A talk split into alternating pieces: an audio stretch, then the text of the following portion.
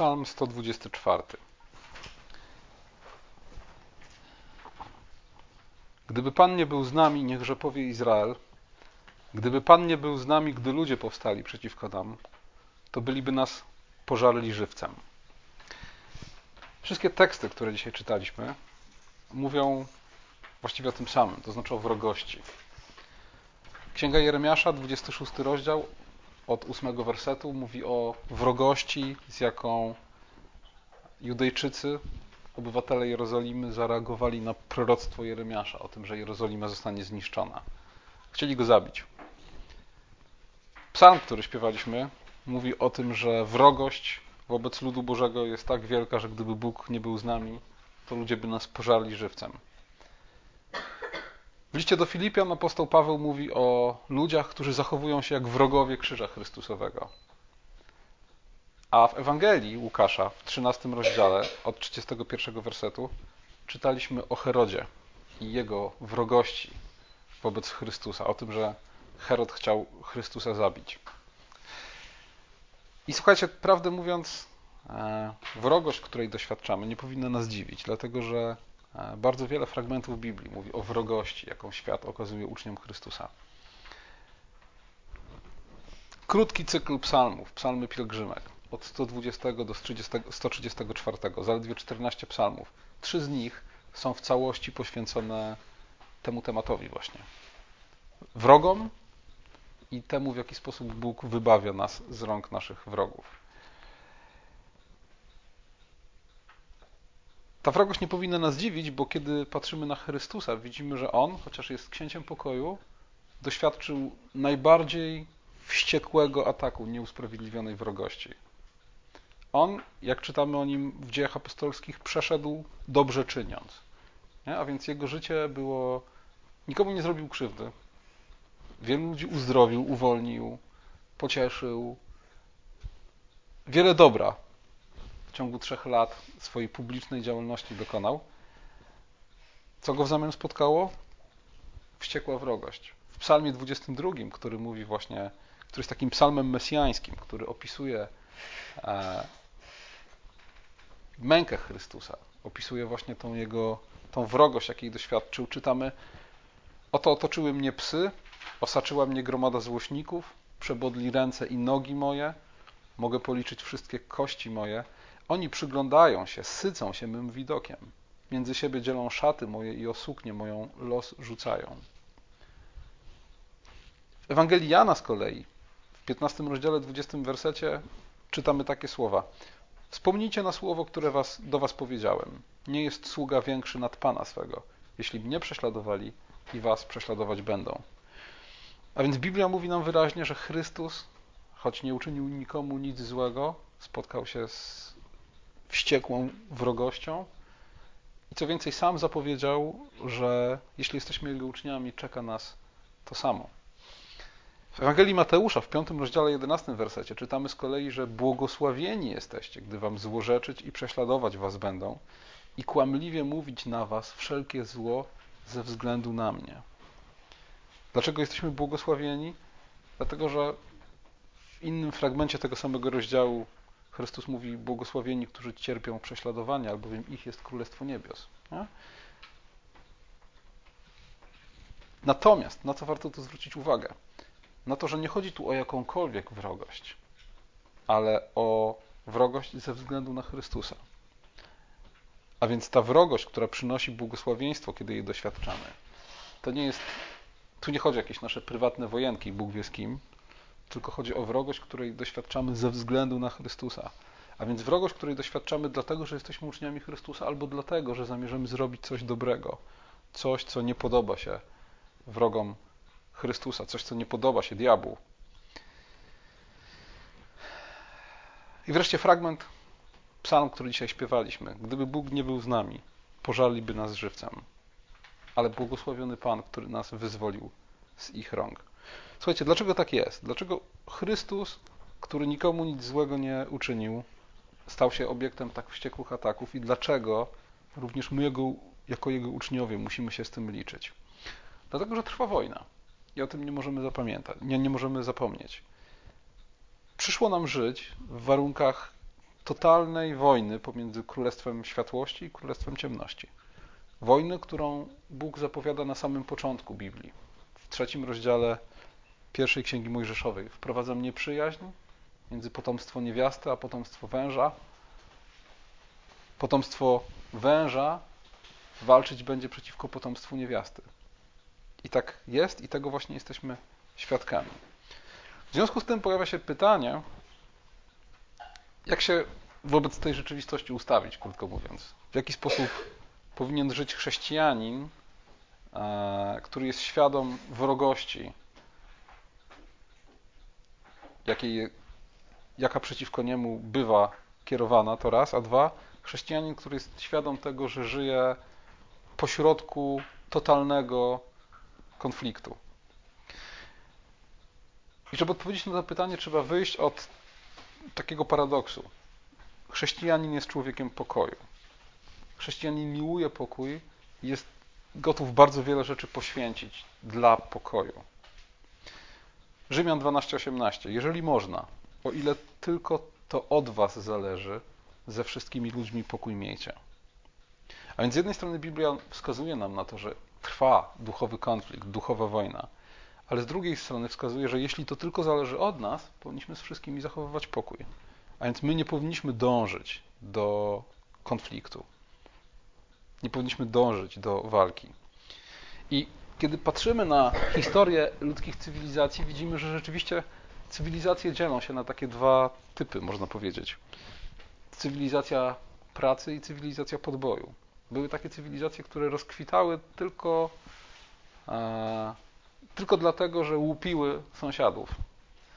Takimi cywilizacjami w Biblii byli na przykład Filistyni, nie? którzy żyli z ucisku, z tego, że uciskali Izraelitów i inne drobniejsze plemiona. I wiele pewnie innych można by wymienić takich cywilizacji. E, Związek Radziecki jest jednym z takich przykładów. Nie? Paradoksalnie, pod hasłem e, wolności dla ludzi pracy, pod hasłami, w których praca odgrywała olbrzymią rolę, tak naprawdę cała potęga Związku Radzieckiego opierała się tylko i wyłącznie na podboju, tylko i wyłącznie na wyzysku. Cywilizacja oparta na biblijnych zasadach jest cywilizacją pracy. To nie jest cywilizacja, która rozwija się dlatego, że komuś zabieramy owoce jego pracy, tylko opiera się na tym, że sami pracujemy i spożywamy owoce własnej pracy. Dlatego apostoł Paweł w liście do Tymoteusza wzywa nas do tego, byśmy modlili się o rządzących, między innymi po to, aby dane nam było wieść żywot cichy i spokojny. Bo to jest chrześcijański ideał. Nie wojna, a żywot cichy i spokojny, a więc budowa takiej kultury i cywilizacji, w której pracujemy i spożywamy owoce swojej pracy. Do tego potrzebny jest pokój. Dlatego też chrześcijanie są ludźmi pokoju. Co więcej, słuchajcie, w pierwszym liście do Koryntian, w szóstym rozdziale, w siódmym wersecie, kiedy czytamy o procesach pomiędzy chrześcijanami, apostoł Paweł, który wyrzuca Koryntianom, że procesują się między sobą, pyta, dlaczego raczej krzywdy nie cierpicie? Czemu raczej szkody nie ponosicie?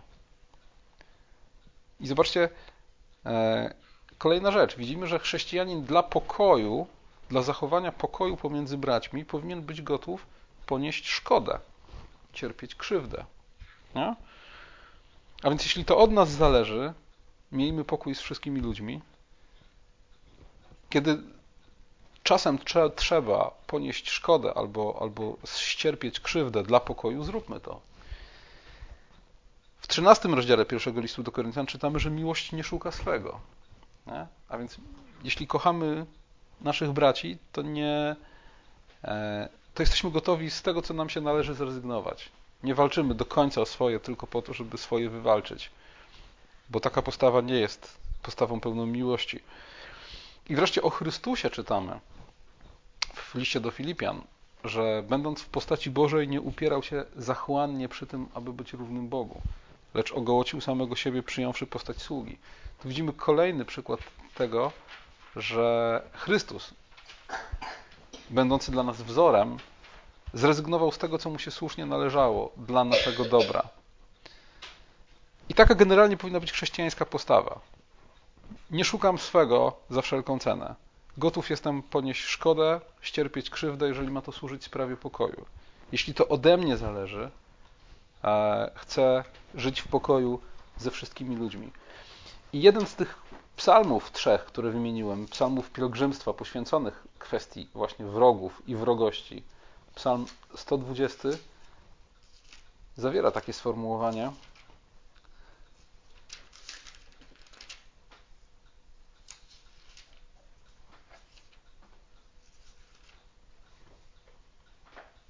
Ja jestem za pokojem, ale gdy przemówię, oni są za walką. A więc w tym konflikcie musimy pamiętać, że to nie my walczymy przeciwko komuś, ale że to ktoś walczy przeciwko nam. Na czym jednak polega paradoks, o którym mówiłem? Na tym, że jeśli chrześcijanin pragnie pokoju, musi być uzbrojony i gotowy do walki. To jest zresztą stare, starożytne przysłowie, nie? że chcesz, chcesz pokoju, szykuj się do wojny. To znaczy, że jestem gotów, aby ponieść szkodę, kiedy uznam, że to posłuży sprawie pokoju, ale z drugiej strony nie ulegam złu i jestem gotowy do tego, żeby ze złem walczyć. Słuchajcie, zwykle jest tak, że taki naiwny pacyfizm, takie e, dążenie do pokoju za wszelką cenę służy umacnianiu się zła. E, I najlepszym tego przykładem e, były czasy zimnej wojny, kiedy na Zachodzie pojawiła się cała masa ludzi, których komuniści nazywali pożytecznymi idiotami, cała masa pacyfistów, którzy uważali, że jeśli Zachód się jednostronnie rozbroi, to, to wtedy nastąpi rozbrojenie i pokój. Problem polegał na tym, że gdyby Zachód się jednostronnie rozbroił, to e, panowanie komunistów rozciągnęłoby się na cały świat. Nie? Tego typu pacyfizm a więc przekonanie, że bezwzględny wróg, nie wiem, wzruszony naszą bezbronnością i, i, pokojową postawą sam się rozbroi i porzuci swoje agresywne zamiary, jest absurdalny i prowadzi do, do tylko i wyłącznie do umacniania się zła.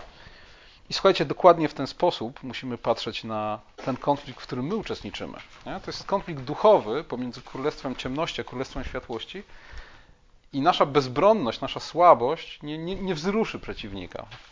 Wręcz odwrotnie. Prawdziwy pokój w tej wojnie może nastąpić tylko w wyniku zwycięstwa Królestwa Ciemności nad Królestwem Światłości. Ona nie nastąpi w wyniku pojednania. Tylko i wyłącznie w wyniku zwycięstwa. I oczywiście, słuchajcie, list do Efezjan mówi nam wyraźnie, że e, to nie jest wojna z człowiekiem. Słynny tekst apostoła Pawła o zbroi Bożej mówi, że nie toczymy walki z krwią i ciałem, a więc nie z ludźmi, tylko z królestwem ciemności, z jego królem, czyli, czyli z szatanem. A ponieważ walka jest duchowa, duchowy jest też oręż. Pamiętacie elementy Bożej zbroi: prawda, sprawiedliwość, wiara, Słowo Boże, zbawienie, gotowość do zwiastowania Ewangelii. I w tym kontekście, bo nie będziemy dzisiaj oczywiście szczegółowo omawiać tego pancerza, zwracam tylko uwagę na to, że duchowa walka wymaga duchowego oręża. W tym momencie musimy zawsze pamiętać, że wrogowie, o których mówi Biblia, ludzie z krwi i kości, których Biblia nazywa wrogami, są tylko narzędziem w tej wojnie. Że tak naprawdę nie przeciwko nim walczymy. Tak naprawdę w walkach pomiędzy Izraelitami a Filistynami nie chodziło o pokonanie Filistynów. Chodziło ostatecznie o, pokona, o pokonanie Królestwa Ciemności. W walce, w której na różnym etapie historii Kościoła e, zmagali się ci, którzy chcieli Słowo Boże głosić z tymi, którzy im przeszkadzali, tam nie chodziło tylko o walkę pomiędzy jezuitami a luteranami, czy jakkolwiek. Tam chodziło o walkę pomiędzy Królestwem Światłości i Królestwem Ciemności. A ponieważ tak naprawdę jest to taka kosmiczna, duchowa walka i ludzie są w niej tylko narzędziami, to musimy pamiętać o tym, że e, niektórzy z nich są świadomymi narzędziami zła, a niektórzy wręcz odwrotnie. Przekonani są, że walcząc przeciwko nam, czy walcząc przeciwko krzyżowi Chrystusowemu, tak naprawdę e, pełnią wolę Boga. Najlepszym przykładem tego są, jest wielu Żydów, którzy prześladowali chrześcijan w czasach apostolskich. Apostoł Paweł sam o sobie po swoim nawróceniu mówił, że działał z pełnym przekonaniem, że służy Bogu, walcząc przeciwko chrześcijan, chrześcijanom, a jednocześnie, co sam później przyznawał, był narzędziem w rękach złego. Ludzie, którzy odnoszą się do nas wrogo, do nas jako uczniów Chrystusa, to mogą być bardzo różni ludzie i mogą z bardzo różnych pobudek działać. Apostoł Paweł w liście do Filipian we fragmencie, który dzisiaj czytaliśmy, mówi o ludziach, którzy zachowują się jak wrogowie krzyża Chrystusowego. Dlaczego? Bo występują przeciwko czystej Ewangelii, którą głosił Paweł. Ale zwróćcie uwagę na to, że nawet Paweł jakby się odrobinę zawahał, nie nazywa ich wrogami krzyża Chrystusowego, tylko mówi, zachowują się tak, jakby byli wrogami krzyża Chrystusowego. Ponieważ są to ludzie, którzy są wewnątrz Kościoła, apostoł ma ciągle nadzieję na ich nawrócenie. Niemniej jednak dzisiaj w tym, co robią, zachowują się jak wrogowie krzyża Chrystusowego, a więc przeciwstawiają się czystej Ewangelii. I słuchajcie, czasem to jest takie proste, tak? Czasem w bardzo prosty sposób możemy zobaczyć i nazwać kogoś wrogiem krzyża Chrystusowego.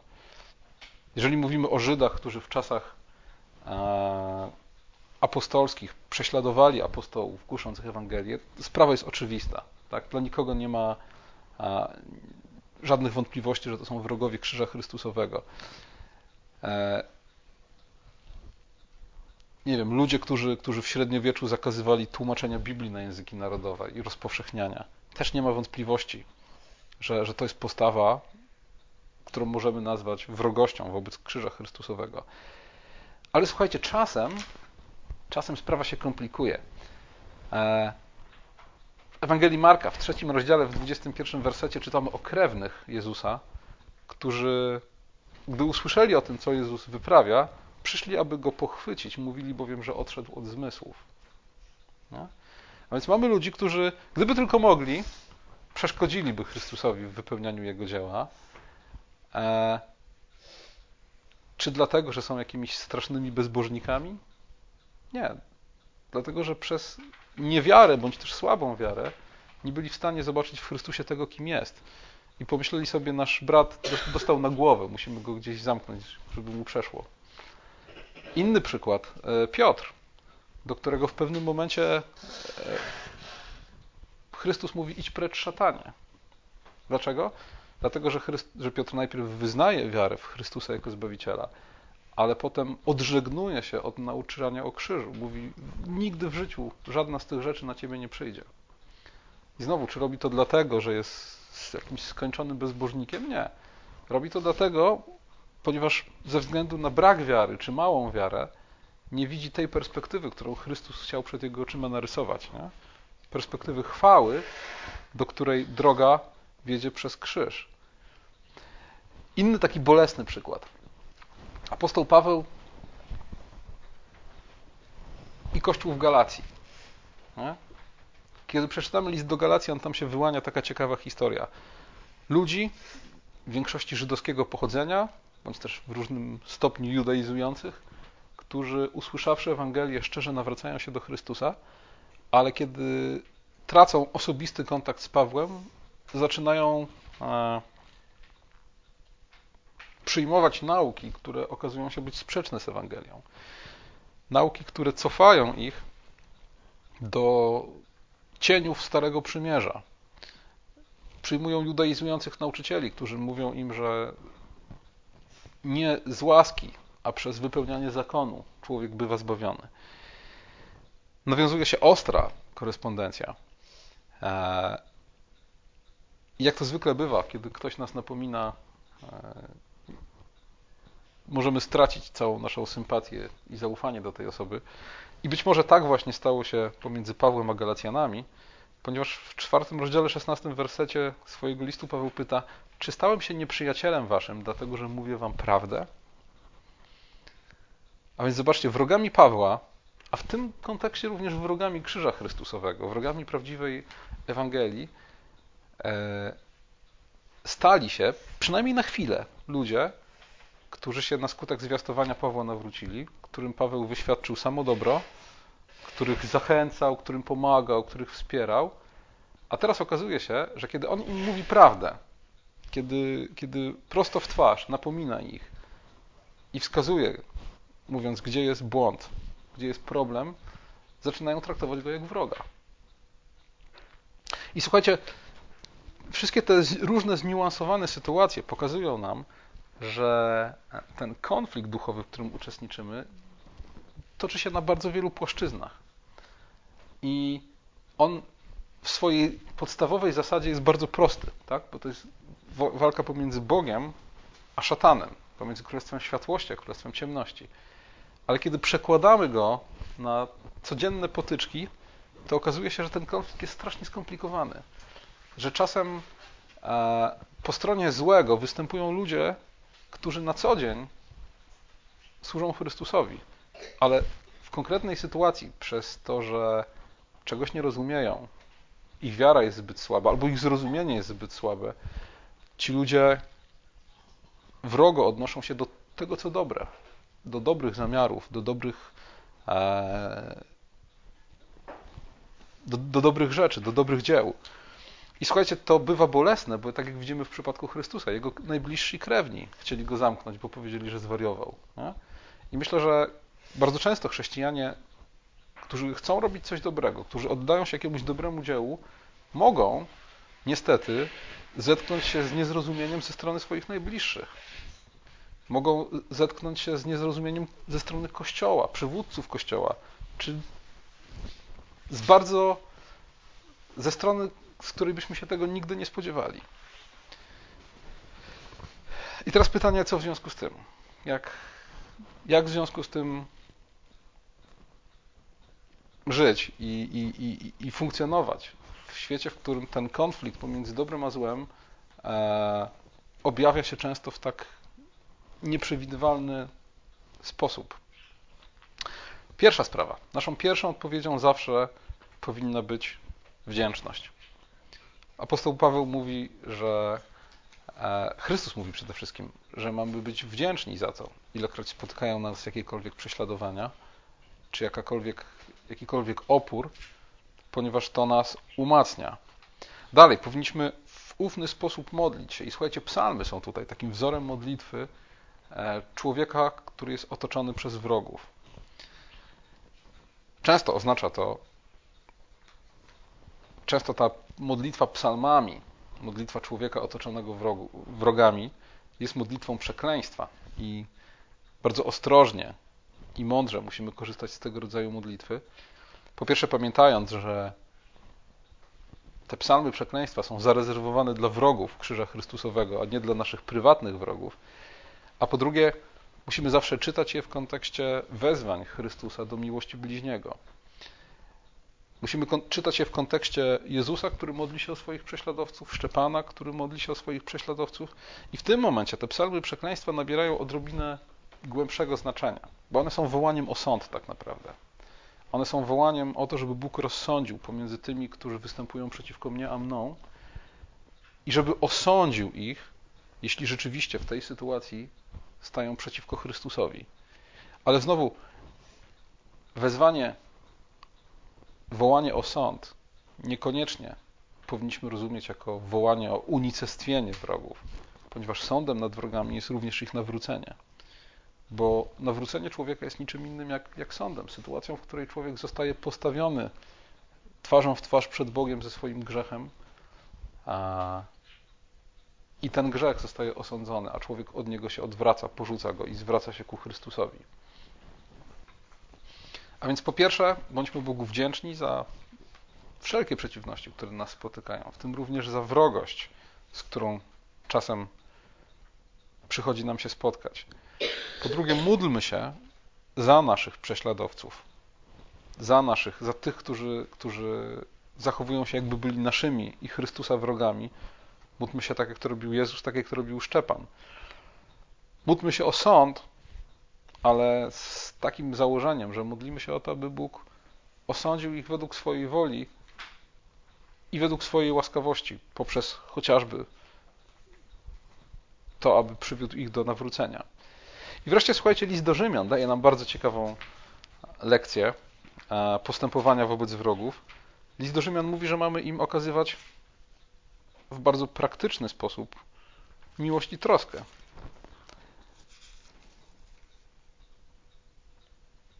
Jeśli tedy przede wszystkim nie mścicie się sami, ale pozostawcie to gniewowi Bożemu. Albowiem napisano: Pomsta do mnie należy, ja odpłacę, mówi Pan. A więc jeśli ktoś postępuje wobec nas wrogo, e, unikajmy odwetu. Jeśli tedy łaknie nieprzyjaciel twój, nakarm go. Jeśli pragnie, napój go. No, a więc jeśli twój nieprzyjaciel jest w potrzebie, okaż mu pomoc.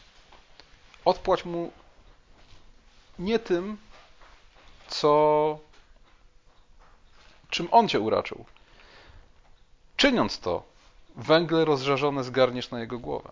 A więc czyniąc to, jeśli ty w odpowiedzi na, jeśli ty na wrogość zareagujesz miłością, gotowością do pomocy, sercem, to wtedy sprowadzasz sąd na swojego wroga. I oczywiście ten sąd znowu, te rozżarzone węgle mogą oznaczać nawrócenie albo śmierć.